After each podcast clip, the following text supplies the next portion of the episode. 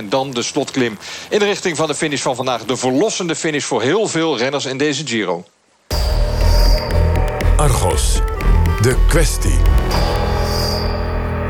En in de kwestie aandacht voor onderzoeksjournalistiek in België.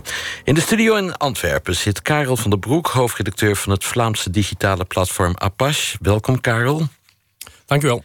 Het was een uh, spannende week voor uh, Apache. Jullie wonnen een prestigieuze Vlaamse prijs, maar grepen ook naast een grote lening waar je op gerekend had en raakte daarover in conflict met de Vlaamse vicepremier Lisbeth Homans. Een bitterzoete week voor Apache, als ik het mag samenvatten. Ja, dat klopt wel. Maar uh, ik moet zeggen dat vooral de strijdlust uh, op dit moment overheerst. Want ik denk dat we uh, ja, reden, redenen hebben om te zeggen dat, dat de dingen niet gebeurd zijn zoals ze hadden moeten gebeuren. En dat, dat blijven we nog op voortgaan. We komen er zo op. Maar laten we eerst even stilstaan bij het positieve nieuws. dat was het winnen van de ARC-prijs voor het vrije woord. Ik citeer het juryrapport.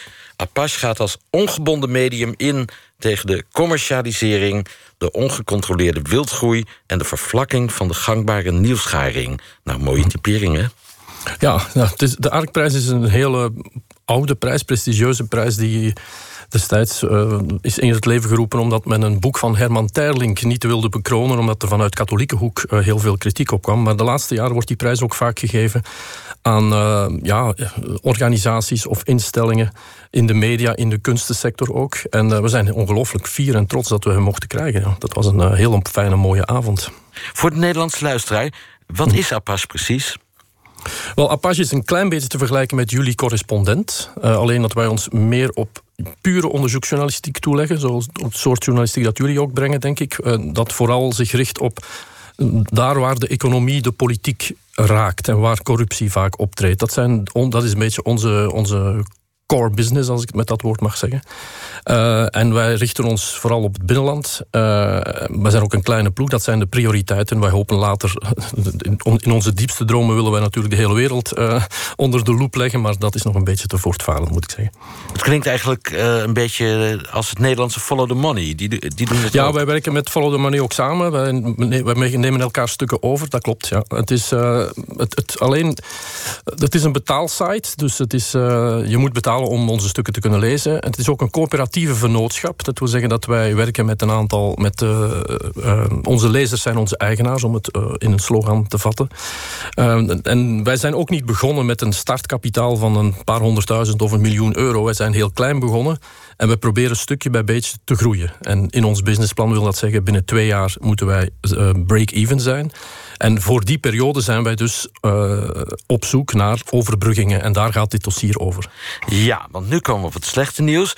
Namelijk hoe Apache in de clinch raakte... met de Vlaamse vicepremier en minister van Sociale Economie... Lisbeth Homans. Het ging over het niet doorgaan van een door u aangevraagde lening. En ja, die zou door een assistent van Homans... Uh, ja, zij ja. eigen, eigenhandig eigenlijk zijn tegengehouden.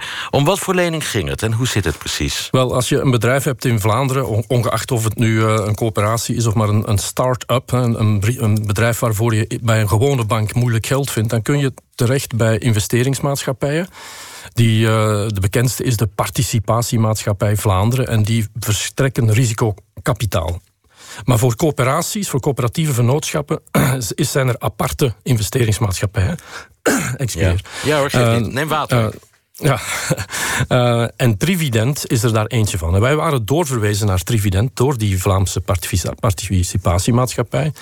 Uh, in 2015 vonden die ons dossier nog uh, niet rijp genoeg. Ze zeiden, ja, jullie prognoses zijn een beetje te optimistisch.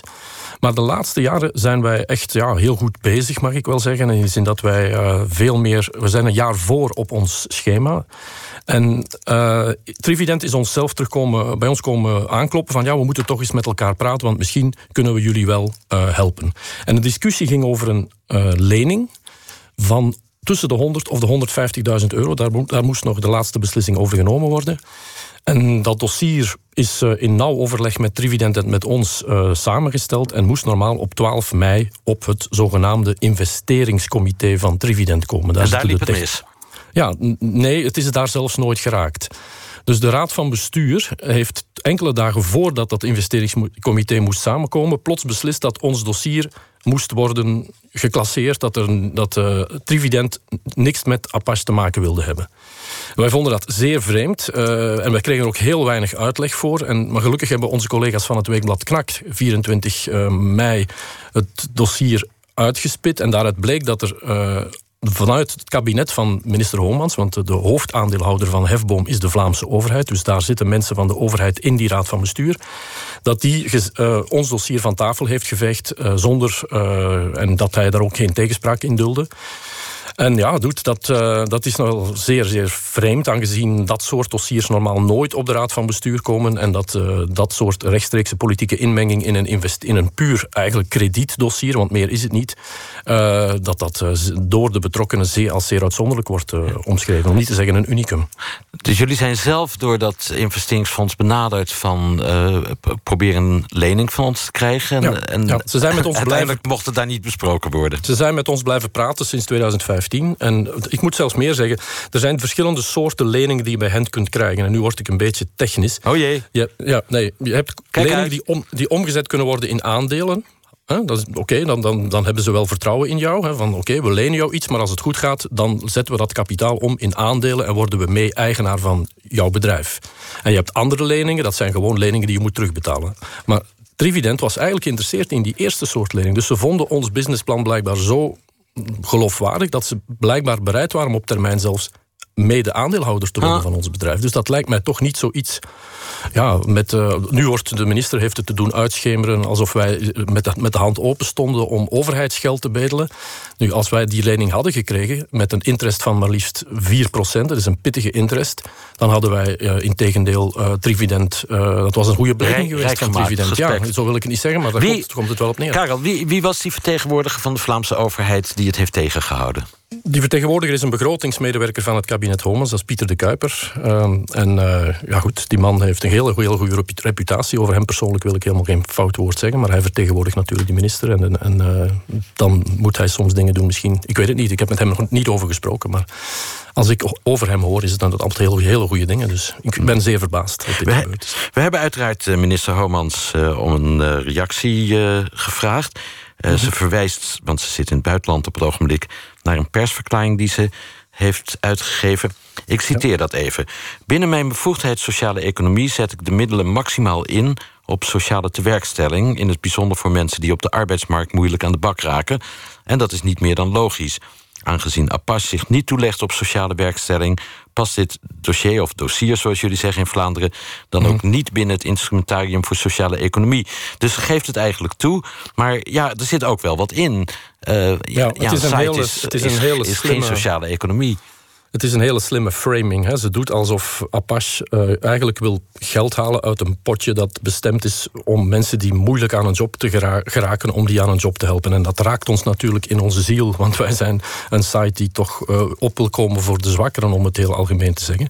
Maar wat ze er niet bij vertelt, is dat Trivident aan de ene kant uiteraard sociale tewerkstelling moet uh, steunen, maar ze hebben een andere lijn van kredieten die ze verschaffen. En dat is voor coöperatieve vennootschappen. En wij zijn een erkende coöperatieve vennootschap.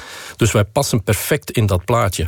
Het bewijs is trouwens dat, wij, dat ze onszelf gevraagd hebben om met hen te komen praten. Ik kan me moeilijk voorstellen dat ze met ons komen praten om ons een beetje te pesten en, en, en wat uh, ja, aan het lijntje te houden. Dus het is een, ik vond het eigenlijk een, een zeer pijnlijke verdediging van de minister. En ik, ik voel me er persoonlijk ook heel. Ik ben er ook erg boos om, omdat het, het, het, is niet correct en ze weet dat dat niet correct is. Het is een uh, gelegenheidsargument van minister ja, absoluut. Ja, en het komt daar heel goed uit. En je ziet dat ook op Twitter, hoe de mensen erop reageren van... ja, zie je wel, die van Apache die willen het geld afnemen van de sociale economie. Wat natuurlijk complete onzin is. In een uh, artikel op Apache van uw hand had u het over een politieke aanval... die elke verbeelding tart. Waarom denkt u dat dit een politieke aanval op Apache is? Wel, het is niet de eerste keer dat uh, de partij waartoe mevrouw Homans behoort, de Nieuw-Vlaamse Alliantie, de NVA... De Vlaamse nationalisten, zeg maar. Ja, Vlaamse nationalisten, de grootste partij van Vlaanderen, uh, die ook de minister-president levert van de de regering. En, nee, dat is Geert Bourgeois. Bart Wever is burgemeester van Antwerpen, maar hij is wel, okay. hij is, is wel de, hij is wel de voorzitter, van de partij. Ja. En, uh, maar het, uh, wij hebben in Antwerpen, wij zijn in Antwerpen gevestigd en houden ons daar nogal bezig met vastgoeddossiers. En we hebben zo een van die dossiers uh, enkele jaren geleden al aan het licht gebracht. En dat, dat heeft blijkbaar de woede opgewekt van een aantal uh, uh, mensen binnen de NVA, ook de bevoegde uh, wethouders, zoals jullie dat noemen, schepenen, zoals wij zeggen. en Bart Wever zelf heeft ooit verklaard over Apache dat wij een lasterlijk medium zouden Aha. zijn. Dus er zit heel wat spanning op die relatie tussen ons en de partij waartoe mevrouw Homans behoort. Maar dat dat op die manier wordt uitgespeeld in een puur technisch kredietdossier, dat is toch wel heel, heel vreemd. Vindt u dit censuur? Oh, censuur. Laat me heel duidelijk zijn. Apache, het gaat zeer goed met Apache. Wij hebben dit geld niet nodig om morgen mijn loon te kunnen betalen en het loon van mijn schitterende collega's. Maar wij hadden graag extra geld gehad om een versnelling te kunnen doen. Om nog meer mensen in dienst te nemen, waardoor we nog meer abonnees konden uh, werven, omdat ja, dan ook meer stukken verschijnen. En daardoor een jaartje eerder break-even kunnen zijn. Dat was de bedoeling. Maar censuur, uh, ik vind het alleszins een zeer uh, doorzichtige poging om een, om een lastige luis in de pels te, te treiteren. Dat wel. En in die zin is het, is het wel. Uh, maar het is ook wel een, een, gevaarlijk precedent. Er zijn verenigingen en media die in Vlaanderen rechtstreeks gesubsidieerd worden door de overheid. En de vraag is dan hoe kwetsbaar zijn die wanneer dit soort revanchistische uh, beweegredenen meespelen in, in, in de hoofden van uh, onze politici. Dan vind ik het wel heel, heel vreemd.